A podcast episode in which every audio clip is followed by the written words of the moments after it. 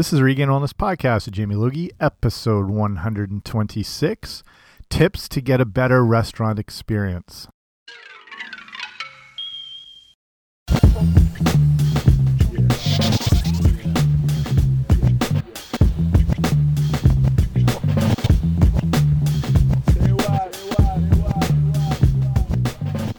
Hey guys, what's happening? Welcome back to the podcast. I'm Jamie Logie, I run regainedwellness.com, and this is the Regained Wellness podcast of the same name. So thank you for listening. If it's your first time here, thanks for coming on out. I appreciate it. Uh, make sure, if you haven't already, to subscribe wherever you get your podcast, whether it's probably iTunes because they run the world. Apple pretty much controls everything we do and see and say, um, but also places like Stitcher Radio, Google Play Music, anywhere you'd probably get podcasts, it should be there. And today's a bit different episode. It's not one specifically on you know one health or nutrition issue or fitness, but something that we're all going to do at some point or we all do is just going out to eat. And I've spent years working in restaurants too so I thought this is a good time to you know pass on info on how to get the best experience possible as well as things like how to eat as healthily as possible what the best things to go for um, you know what to avoid. But you know more just um, things i've seen along the way that you can get a better experience. So hopefully i can pass some good stuff on to you here today. Okay let's get right into it. Okay like i said besides doing you know i've worked in gyms and everywhere. I worked in gyms in canada here um, us england even australia for a little bit. Um, so that's you know what I've done primarily, but along the way I've worked in quite a few restaurants and pubs and bars. So I've seen quite a bit. I've worked primarily in Canada in restaurants and in England. in London, England, I worked in some a few pubs in central London. I worked at a few gastro pubs. Um, you know, some high end places. One, well, one was kind of a high end place. It was in um, Earlsfield in kind of southish London near um, Wandsworth, which is Gordon Ramsay territory. And the company I work for, they used to work, they own like six different gastropubs and they used to work in conjunction with him in a way. It wasn't, it, this place wasn't associated with him, but um, kind of in the loop a little bit. Actually, one of our chefs did train under him at his, I think his Claridge's restaurant, and he was there. So um, didn't have a ton of stories he wouldn't tell. He actually said the the word Ramsay would never as much as like you'd see him. Not not that what he would do on TV is an act when he just loses his crap all the time. Um, maybe a little bit just to kind of make for better TV. But he said the worst thing he ever saw him do was someone burnt or sort of burnt a tray of muffins or something like that, and he just went picked them up and dumped them in the garbage and walked off and that was it. So in like I've worked in Italian restaurants, in Thai, Asian type restaurants, um, you know, a bit of everything. So I've seen quite a bit. So I think uh, I you know have a good viewpoint on the best way to get you know not just like little perks and whatever, but just trying to get the most of the experience and to get an understanding of what makes up a good restaurant and whatnot. So I've got, you know, 10 or 12 different tips here. I'll just, I'll go over what seems relevant um, and hopefully helpful to you. So here's what I start with. Here's a sign of a good restaurant. Actually, two signs. The first indicator is if you're in a good restaurant is when you sit down, they most places will bring out some sort of bread or butter. This is how you tell you're going to be in for a good dining experience. The quality of the bread and the butter they serve before a meal shows you whether they have they take pride in food that things are made from scratch that the appetizers the entrees the desserts are all going to be quality made things. So think of places you've gone where you've sat down and they bring out some roll that's hard as a rock and then that butter which is like frozen and you try to spread it and it rips the hell out of the entire piece of bread probably not a good indicator that what you're going to get later is going to be too good.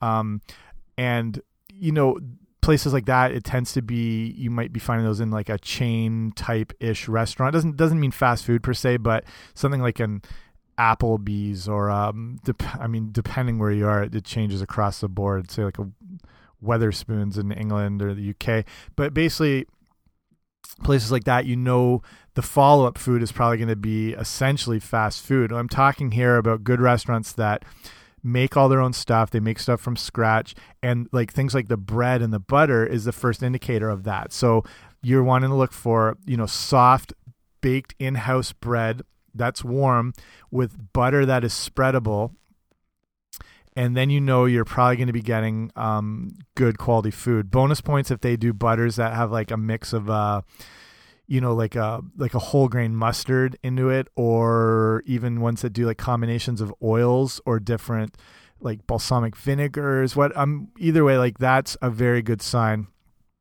that it's going to be a good restaurant. It's actually when I worked in England, there's um, a huge actual business is restaurant review companies that do secret diners, and the one so the company I worked for or the restaurant they own six different ones they they employed this pretty high end um, secret diner service. Like they they pay a fortune for these things to constantly go in and check the restaurants out. And we kind of got to learn how that all works. And you know after a while the place I worked always did so good on these and we got a little more insights into it. And that was one of their big things they actually looked at obviously there's a ton of different things like the quality of the food, the temperature, the timing of the meal, the service, the drink, the whole deal. But one of the first things they always would check on these reviews is things like that butter and bread and how those would be. After a while, I actually got it was actually pretty easy to identify these secret diners. Um, if you're working in a restaurant and want to look out for them, they always will be a male and a female that'll come together because they need to both you know check out the bathrooms so of each sex. They tend to you can tell it's not a couple because it's kind of a bland interaction. There's nothing romantic and you know it's not a business meeting um, because there's no business being done. And you can tell by the way they're usually dressed pretty good and they're not super engaging with each other. You can see them looking around all the time. After like it's they stand out like a sore thumb after a while once you get used to um, knowing there's going to be diners within a certain you know few months span and you start looking at them after you can really pick them out very easily and then one at a time they'll go to the bathroom at their different thing and then they'll yeah it's yeah pretty easy so that's actually the next thing before you even get your food to indicate a good restaurant is the bathrooms. And going in have a look through i mean they should be pretty much immaculate and clean. And if it's not it reflects on the rest of the restaurant. A dirty bathroom means sort of no pride in ownership. And i can guarantee you the kitchen is as dirty as the bathroom. And then you know dirty kitchens bring out dirty food. And then god knows what else is in that. So that's kind of your first two things to look at. Check out the bathrooms. So the next thing i would say for better restaurant experience, and this is kind of a no brainer, is unless you like waiting for food. Cause now we're, we're talking about real like real restaurants here, like good restaurants that don't rush you in, rush you out, that prepare their stuff. Um, you know, real house made everything. It's going to take a while to get your food, so avoiding the peak times is just going to make it for a better situation. Again, you know, the peak times are usually between six and eight, even till nine o'clock, depending on the size of the city you live in um, you're gonna have to wait for food. Like on a good day, this this isn't across the board, but relative industry standards are that it should take around anywhere from 14, 18 minutes for you to get appetizers and a main course anywhere from 22 to 28. That's on a good day when everything's, you know, no problems. In based on places I've worked, when things are going full on in the restaurant and, you know, there's people waiting at the door, the kitchen's rammed, you're looking at maybe 45 to 60 minutes to before you get your main meals out for you. And that means um you just it might not be the experience. Some people like that hectic, you know, lively atmosphere, but if that does not appeal to you and you want to get food quicker, avoid the peak times. It's just the simplest way to out there. Um Next thing before you start the meal when you go into drinks, here is something to look out for as far as wines, and it's called the decoy effect.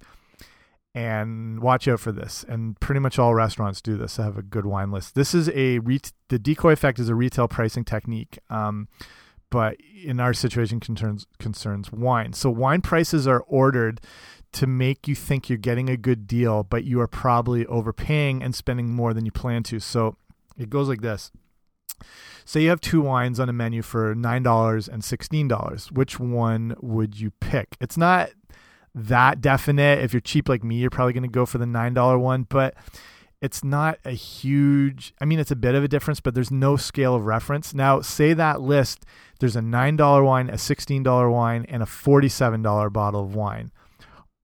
Like 90% of the time, trust me, people are going to go for the $16 one. The perceived value has now changed because something you may not have bought because the price seemed that was high now appears to be better value and less expensive compared to that higher one. And that's all like all restaurants will have wine lists that will always have a few very high end and very expensive wines. And those are the decoys to make the others appear cheaper when they're probably not that much cheaper. They'll take a average whatever type bottle, mark it up huge, and then they're making a lot of money on that because by comparison compared to the super expensive wine it looks like oh that's the best one to go for um, so your best bet is is to learn some of your favorite wines get an idea what they cost from place to place and if you're looking for wine scroll through the list don't look at the prices and look for the variety or the the vineyard or whatever that you like and go for that so you don't really get sucked into their sort of tiered pricing model so then that kind of goes into this next point is this kind of a classic of going for the second cheapest wine. And especially like if you don't know wines, you don't want to get the cheapest one. You don't want to maybe look like a cheapskate. Um, you know, if that say say the bottom three wines, there's a six dollar say on glasses of wine. Say there's a six dollar wine, an eight dollar wine, and a ten dollar glass of wine. Most people don't want to look like a cheapskate, so they go for the second cheapest. They go for that eight dollars. But in most places, that's the goal because they know um, that's usually what people are going to pick up um, or go for. Um, it's usually the least value wine. Again, it's something they might take a lower end. Not that it means a bad wine, but a lower end wine mark it up more and put it in that second cheapest price range because the average person is going to go for that wine. So your better bet honestly is probably going for the like the cheapest wine. It's probably not marked up very high because um it, it's priced as low as they can and they're probably not making a lot of money on it so it's probably the better value compared to the second cheapest one or just go the the next level above that one next tip again a, kind of a no brainer, but if you're eating during the prime time, don't go in hungry. And I know everyone wants to, you know, save their appetite for the big dining experience. But if you go, say you're going in at 7:30 and your last meal was at like two o'clock, probably even earlier, you're looking at a good six to seven hours until you're well underway with your eating. So that means restaurants are a haven for dropped blood sugar, irritability, hunger, and everything that goes along with it. So that's why a restaurant can be a pretty ugly place because you're go the, when you walk in, you're pretty hungry. That's the whole point. Um, and usually you want food now, but you're looking at the busy time of upwards of an hour. So you think when people's blood sugar drops, it's just a nightmare. And that's what you have in a restaurant during prime times. It's why they get so friggin' ugly and people are such d bags. Um, because they're just um, so on edge because they're hungry, and it's just it's one of the toughest places. Like along with you know somewhere like an airport. Um, hospitals. It's just where you see the worst of people. So you've basically got this giant box of irritable, angry people that they're not getting their food and they're ready to clothesline the busboy. Um, so if you have issues with that, with um, you know low blood sugars or whatever at least eat something like an hour before. You know it's just it's not going to overfill you. You're not going to ruin your meal um, you know unless you're able to manage and um, stave off hunger. So here's the next tip. If you're going in and you want if you want to go to a restaurant and you want a quiet kind of meal for two um, you want to book a table for three and that's going to make it more like with tables of two they're usually they're easier to put everywhere. Um, restaurants make money per square foot, so they want to fill up the restaurant as much as possible with tables. So if you go, if you live in a moderate sized city, say like I don't know 400 500,000 people the restaurants you know they're huge there's so much space but then go into a restaurant in Manhattan and it's basically like one long table every table's right next to each other like because they just real estate is so expensive. They have to make use of every square foot. So in a big restaurant, tables of two can be put anywhere and they tend to be, you know, stuffed in a corner, out of the way. If you want uh, you know, have a table to be more in a you know relaxed area where you have some more room and you want to be more comfortable. Phone in and make your reservation for three, even though it's only going to be the two of you, and that way you'll get a better table setup. My next tip is this is more for buffets and things like that, which can be good. Like you can get crappy, horrible like Vegas type buffets where everything's like two bucks for the whole thing. Um, but to avoid overeating at them, when you go hungry into a buffet, it looks just like it's like Willy Wonka. It's just like the promised land of all sorts of food. Buffets would rather that you stick to all the starch based things and carb items because they fill you up um, quick and they don't you it's easy to overeat on them on them but it doesn't cost them a lot to prepare compared to like more expensive proteins and meats and fish or wh whatever they're serving. So if you want to get your money's worth at a buffet and you don't want to overeat on all the other stuff that you might not normally touch is focus on getting the proteins and vegetables and salads. Um, they're going to fill you up more solidly.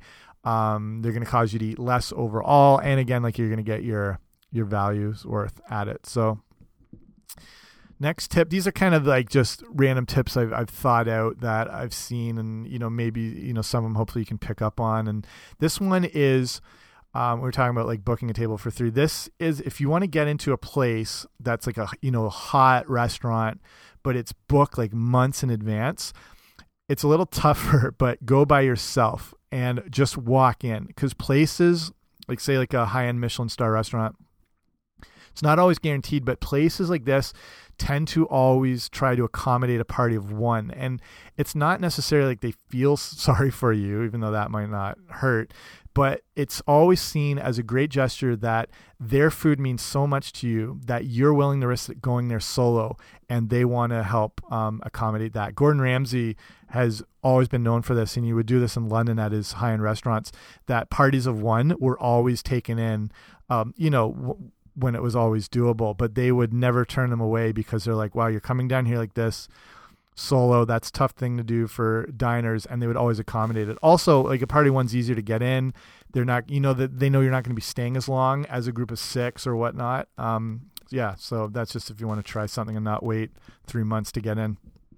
Next thing is become a regular and get more free stuff. When you become a familiar face and you choose to spend your money at a, a, certain restaurant, you're the ideal customer. And that can mean things like free drinks, appetizers, um, extra desserts, all sorts of things. Like some of the restaurants I worked where I bartend, we would serve people at the bar as well too. And when you start having regulars in, um, they get to know you. They start, you know, tipping you really well, and you want to take care of them. So that would mean free drinks or again like I'd bring them the free dessert or whatever it is like upsizing their items. Um, there's so much competition for your dollar that having someone who consistently comes back is just it gets recognized i mean it should get recognized and and rewarded. And a bonus tip if you bring uh, different people every time you come that just puts it through the roof. And then you know hopefully you're getting all kinds of good hookups because now you're bringing them extra business not just your business.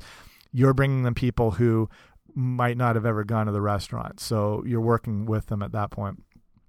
Okay next thing getting your ordering quicker if your server's not this is just i mean hopefully most people know this but in case you don't if your server's not getting back to you to check your order and everyone seems to be running around like it's the running of the bulls in the place stack your menus and put them on the edge of the table. So that's the sign that it means you're ready to order. If you're if you have your menus open and you're looking at them but you are ready to order and your server is running around dealing with other people, he's going to just bypass that thinking you're not ready. So stack your menus, put them at the side, and it means you're ready to go. And it'll probably get your food in quicker than the table that's, you know, just sitting there holding their menus. Um, and honestly, even that like 30 seconds quicker can be the difference in you getting your food 30 to 40 minutes faster than some of the other tables, like especially during the busy times. Okay, next tip. This is uh, with restaurants that have sommeliers or somms as they're called, and these guys and girls are geniuses. Um, the, to get actually certified as a sommelier, and then there's different levels. There's like a master sommelier, or like grandmaster, whatever, is unbelievable. Watch. There's a documentary on Netflix called Somm, and it shows the journey of getting through this whole process and the amount of knowledge they have to know about every wine region, every vintage, every year, every grape, how it's grown, what it matches with. It's unbelievable. These people are like supercomputers. The only thing I can think that compares are in London, England. If you've ever ridden in a black cab, the the cabbies in England, um, they have to spend before they even set foot in a cab. They have to spend two years walking around the city with maps and committing themselves to knowing all the roads, all the routes, and all the connections. And it's called the knowledge. And it's something that all cabbies have to do before they get it. So if you've ever ridden in one of these things, they know every street in the city. And they're and apparently they've actually noticed that their the their physical brain, especially like the front or the frontal cortex or something, is larger in people like this than the average person because it's physically had to grow and develop to retain all this extra knowledge. Um, and it's nuts. Like like I said, I lived in England for years. The, the most remote little out of the way lane, and they knew it in the whole city. And it's the same thing with these sommeliers that their ability to just recall and memorize everything is unbelievable. So I mean, if you don't know wine or you're nervous or anxious, like talk to these people. They love educating people, teaching. A lot of these people like sommeliers will run their own, you know, wine education classes and courses and stuff like that. So, uh, yeah, they're awesome. So here's a tip to get better value wine, and that's just to haggle with these guys. Um, they control like all the wines and the drinks, and what you want to ask for is the bin end list, and that are those are the bottles that have blemishes, they've ripped labels um, maybe some damage to the top, whatever, but they're still fine. Or it's like unpopular brands or past their prime vintages. So now you can ask them to come up with like the best wine they think possible, and then you give them a price on what you're willing to pay. Not every place does this, but a lot of them will do it that you can haggle. I wouldn't pay more than 30 bucks, um, but in a lot of the cases, you could be getting double, triple, quadruple the value of the wine for that price because they want to move these things. It's just taking up cellar space or whatever. Um, yeah, so haggle with your sommelier. Next tip these specials aren't always so special like me, like I was told growing up. I'm kidding. Um, the specials are always pished, pu pished, pushed big time by the servers. But in most restaurants, specials are done as just a way to clear out uh, like items that not that they're going bad, but they're not maybe going to make use, especially like on a Friday or Saturday. They're not going to use it over the weekend, and by the time Monday rolls around, it won't be any good. But they're still looking to make money on them. So these can also be dishes that they want to make the most money on on a night, but don't have a lot of ingredients. Like if you have a I mean, proteins can be expensive, but say you're dealing with a like a butternut squash ravioli that plate has got maybe 75 cents worth of product on it and they sell it for i don't know 28 30 bucks. When you're looking at how cheap squash is and there might be some cheese they'll make the ravioli themselves and you know but it's flour it's penny i mean even a dollar or two um, and how high they're marked up so that's the idea with the specials is to clear out stuff um, and get the most value for the night without as much work and without as much having to put as much money into the plate. Okay, next tip. If you're hungry, ask for everything at once. Um, that way, like, I mean, if say in a kitchen an appetizer station is backed up, that means your main dishes are going to be backed up even longer when they might have been ready quicker. So it's very a North American thing to you know have your appetizers and your mains and your dessert where a lot of the rest of the world doesn't really eat this way. If you look at you know like say spanish tapas or asian cuisine where food comes up you know maybe sort of a family style but in various orders. You might have um, noodle dishes up first. You might have soups later in the meal. You might have salad you know whatever. So if you don't mind things things coming in a different order ask for everything all at once Um, that's you know if you're hungry and again if the place is busy, you're more likely going to get your food better than uh, all those other suckers who are waiting around for a while. And then again, if you want food to get in quicker, um, stack your dishes so they can be cleared away. I mean, I don't know if you, you always feel like that's something you should be doing, but again, if the place is rammed um, and busboys and service have to take forever to clear your thing, your, your table, it, it, it, can throw off the rest of the whole meal. Um, again, like in restaurants, you can see this where there's only a couple um, terminal points where if it, they're using like a touchscreen display thing where they can put in orders, there's always a rush. Like you might not be aware of this, but if you look, sometimes they're not out in the open, but servers are like elbowing each other to get them out of the way to get their orders in quicker for their tables because the longer they wait, the less, you know, tip percentage they're probably going to get and it means just getting stuff in quicker. And if you help having your table ready to clear your your plates, your cutlery, and all that stuff, it's more likely that that server then is going to be able to put your next order through, or like to fire it through to make sure it's up. Usually they stagger the the releases like they won't put them all through at once they'll put the whole order through but then they'll have like a fire button or a hold button where it's um, until you sort of like unhold it, then it goes through and then they can start doing it. But they can't do that unless they've, you know, cleared your first courses away. So that's just a way to get things quicker. Okay, next one, getting into some health stuff here too. Uh, avoid ice in your drinks. And this is kind of a two-parter. The first is, I mean, you get more product that way um, compared to how much. Usually, two-thirds of the glass is. I mean, as a bartender, that's usually the rule. Two-thirds should be filled with ice, and then the rest is product. So they're you're really not getting that much value. The second is health-wise, because most ice machines have a lot of bacteria in them because they're not regularly cleaned. It's a it's a pain to clean these things. Trust me.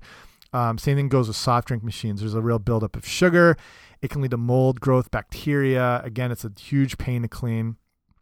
Um, if, it, if you want to be concerned further, six out of 10 restaurants have more bacteria in the ice than in the toilets.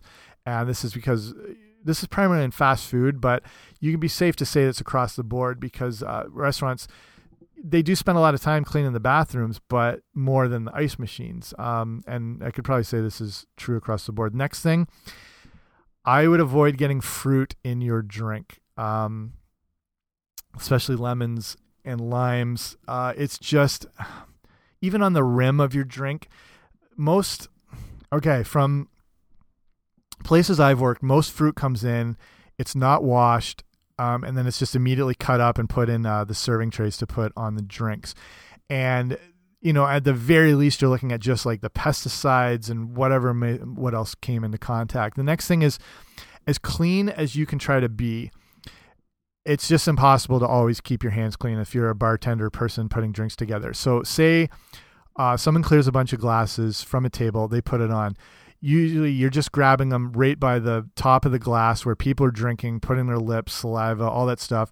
You're throwing in the washer, and then an order for drinks comes through, like a bunch of waters with lemon. You put them together, then you grab the lemon, you throw it on the drink, or you put it in the drink. Basically, whatever's been on the bartender's hands is going into your drink. So, and that when you're clearing dirty dishes and cutlery, I mean, there's just so much chance for like bacteria, um, germs. Also, it's just impossible to avoid. Like, I'm a re- I'm really clean. I'm not a germaphobe, but like, I'm always hand wash. Even like when I've worked in restaurants, washing hands, sanitizing, you just can't do it every five seconds. So, um, in the case of fruit, I would just like I would say pass on it. There's just um, so many traces of. I think it was. I have to look this up, but I think um, the studies is looking at. They looked at 26 different restaurants, and 70 percent of the restaurants, like with the fruit, showed upwards of 25 different strains of bacteria within that fruit even if it was just placed like on the rim of the glass and then that can go into the water the beverage. Yeah i would just avoid it. And that's and that's a, the best case scenario. When a lot of places i won't lie i've dropped fruit on the ground picked it up given it a wipe and then you know chopped it up and then later it gets used. That's actually probably your best case. Dirt would be a lot better than germs or bacteria I, I won't give as many horror stories as what I've seen in restaurants, but I've worked in good ones, so I haven't seen a lot of crap or horror stories. I mean, the you know, and there's a lot out there, especially the lower quality of the restaurant, the worse it gets. But like I said, I worked in in good places where, um, not not lots, or sorry, not all of them, but some, um, you know, where play, people had real pride in the place. So that's different. But you know, I've still seen, I've seen burgers dropped on the ground by accident and kind of wipe thrown back on, or buns or fry. You know, I've I've seen all that stuff, but, um, just one of those things. I, I watch out for the drink. So I would avoid ice and I would avoid fruit. That's just me. That's what I would avoid. Um, okay. Another tip to find the best food or the best meals in a restaurant, ask the server what they would have or what they eat. And that's where you get the good insights into the best food in a restaurant. I worked at one place and there was this guy who come in pretty much like every week. This business guy with a black uh, American Express card, which I'd not seen too many of those things and he would always have out of town clients like six or eight of them he would he wouldn't even order he wouldn't even ask for the menu he would just ask what i would choose and like just to keep that coming. So i put through what i knew are all the best dishes. I mean most restaurants that have good quality stuff they're going to stand behind all of them but not all of them are home runs. Um, but I knew every dish like the back of my hand, and I put, you know, I put through all the best things. Um, so if you um, talk to the server, have them tell tell you what they eat when they're there, and that way you get the insight into the really good, um, you know, top top items to use at the place. Um, so next few tips. Here, here's a big one. This is a big topic, but it's taking online reviews like Yelp reviews or TripAdvisor, taking those with a grain of salt, especially if you've heard, you know, you've been excited to try this place, but then uh, the the star reviews aren't amazing. Here's the thing: somewhere along the way, South Park did a really good episode on this. Somewhere, people just decided everyone's a food critic. Somehow, they know the ins and outs of all food, and usually, it's people have no concept of how to cook. They don't know what goes into preparing food and their knowledge is you know i watched season three of top chef so i'm i'm a foodie. Um, the problem with restaurant reviews specifically on yelp is people like to complain more than they like to praise a place. Not that they don't praise places but and especially people like to complain to strangers um, if, if you've had a bad experience. So a restaurant may have a ton of happy diners, but it's not reflected in the rating. Happy, think about this for yourself. If you have a really good experience somewhere or a product you love, what do you do? You tell your friends and your family about it. You're less likely to go, you might be, but you're less likely to go online to tell a bunch of strangers sitting around in their underwear eating saltines that you like it. You want to tell your friends and you want to like bring them there. Um, it's not to say that bad reviews aren't justified, but when people complain, they're more likely to do it in this forum now than, you know, they just want to splurt it out there and let everyone hear their two cents. So you're not getting the whole story of the restaurant. The place might have double the good reviews but it's ones that people just aren't putting online because they're so excited that they're bringing their neighbors with them and stuff. So uh, the other issue is people always exaggerate their displeasure as the problems are usually really insignificant. And we as people we tend to over exaggerate the same way we brag. Um, you start to realize like once you start you have a problem and you realize how trivial it, trivial it is that you start to enhance it and make it a little more dramatic. Um, just something we do by nature um, so you realize the complaints are usually pretty insignificant. A, a, perfect example is wait times. Everyone, everything is always like has to be sound worse than it was. Um, whether it doesn't sound like that much of an issue in your head or you have to like over dramatize it's like a, a 10 minute wait always turns in you know say you had to wait something for 10 minutes you're not going to say that you're like oh it's like a 20 minute wait as a 25 minute wait um, staff was rude it's as much the customer is a d bag compared to the you know the server is probably actually quite patient. You know when you you see all these people that have problems, you know they're having bad interactions with staff. Maybe you're the problem. Maybe you never thought of that. So. I've seen this so many times in places where people would come back or they'd complain after, like, we waited 25 minutes to get our drinks.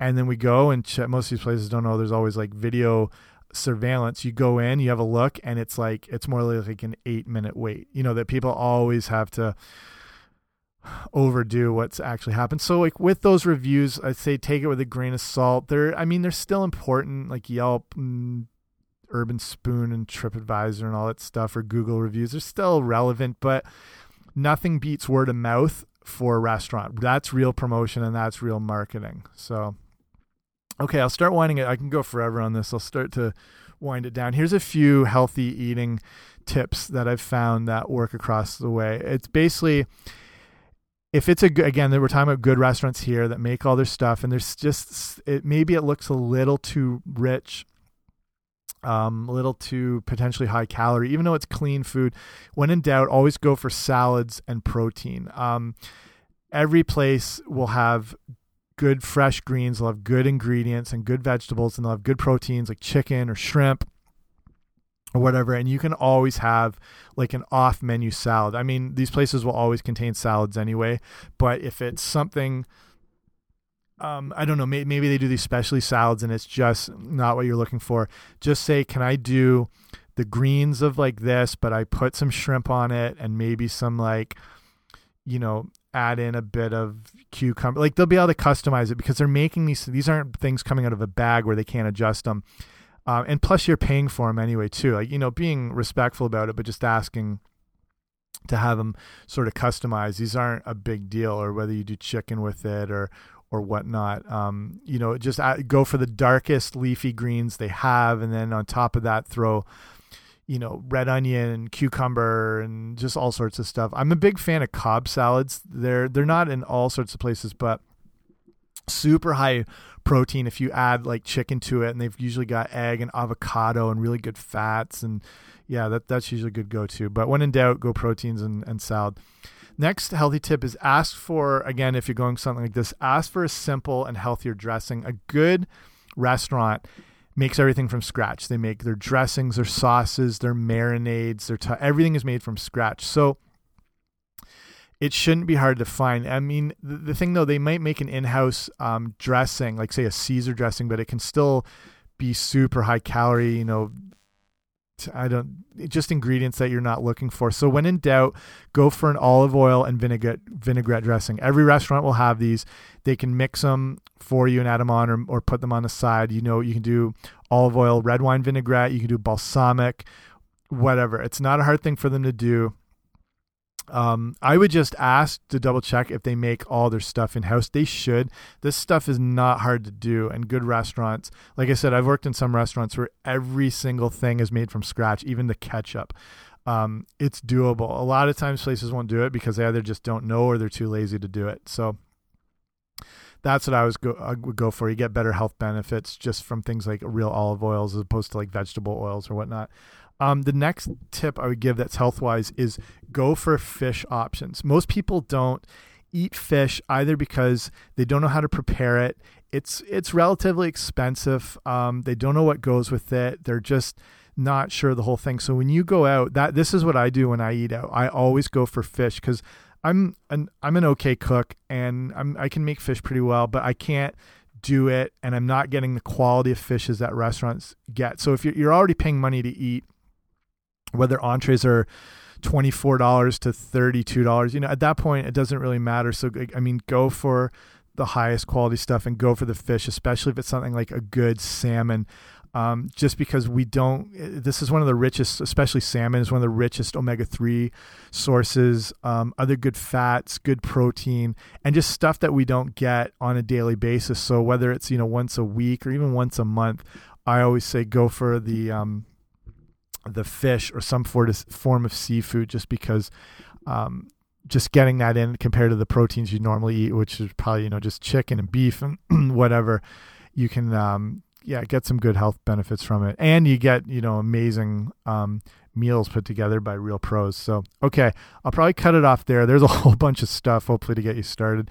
If you had, um, I don't know, if you have any specific tips of your own, feel free to share them with me and I can pass them on in future episodes or whatnot. Um, or if you have any other questions about restaurant, anything, ask me. So you can write to info at regainedwellness.com.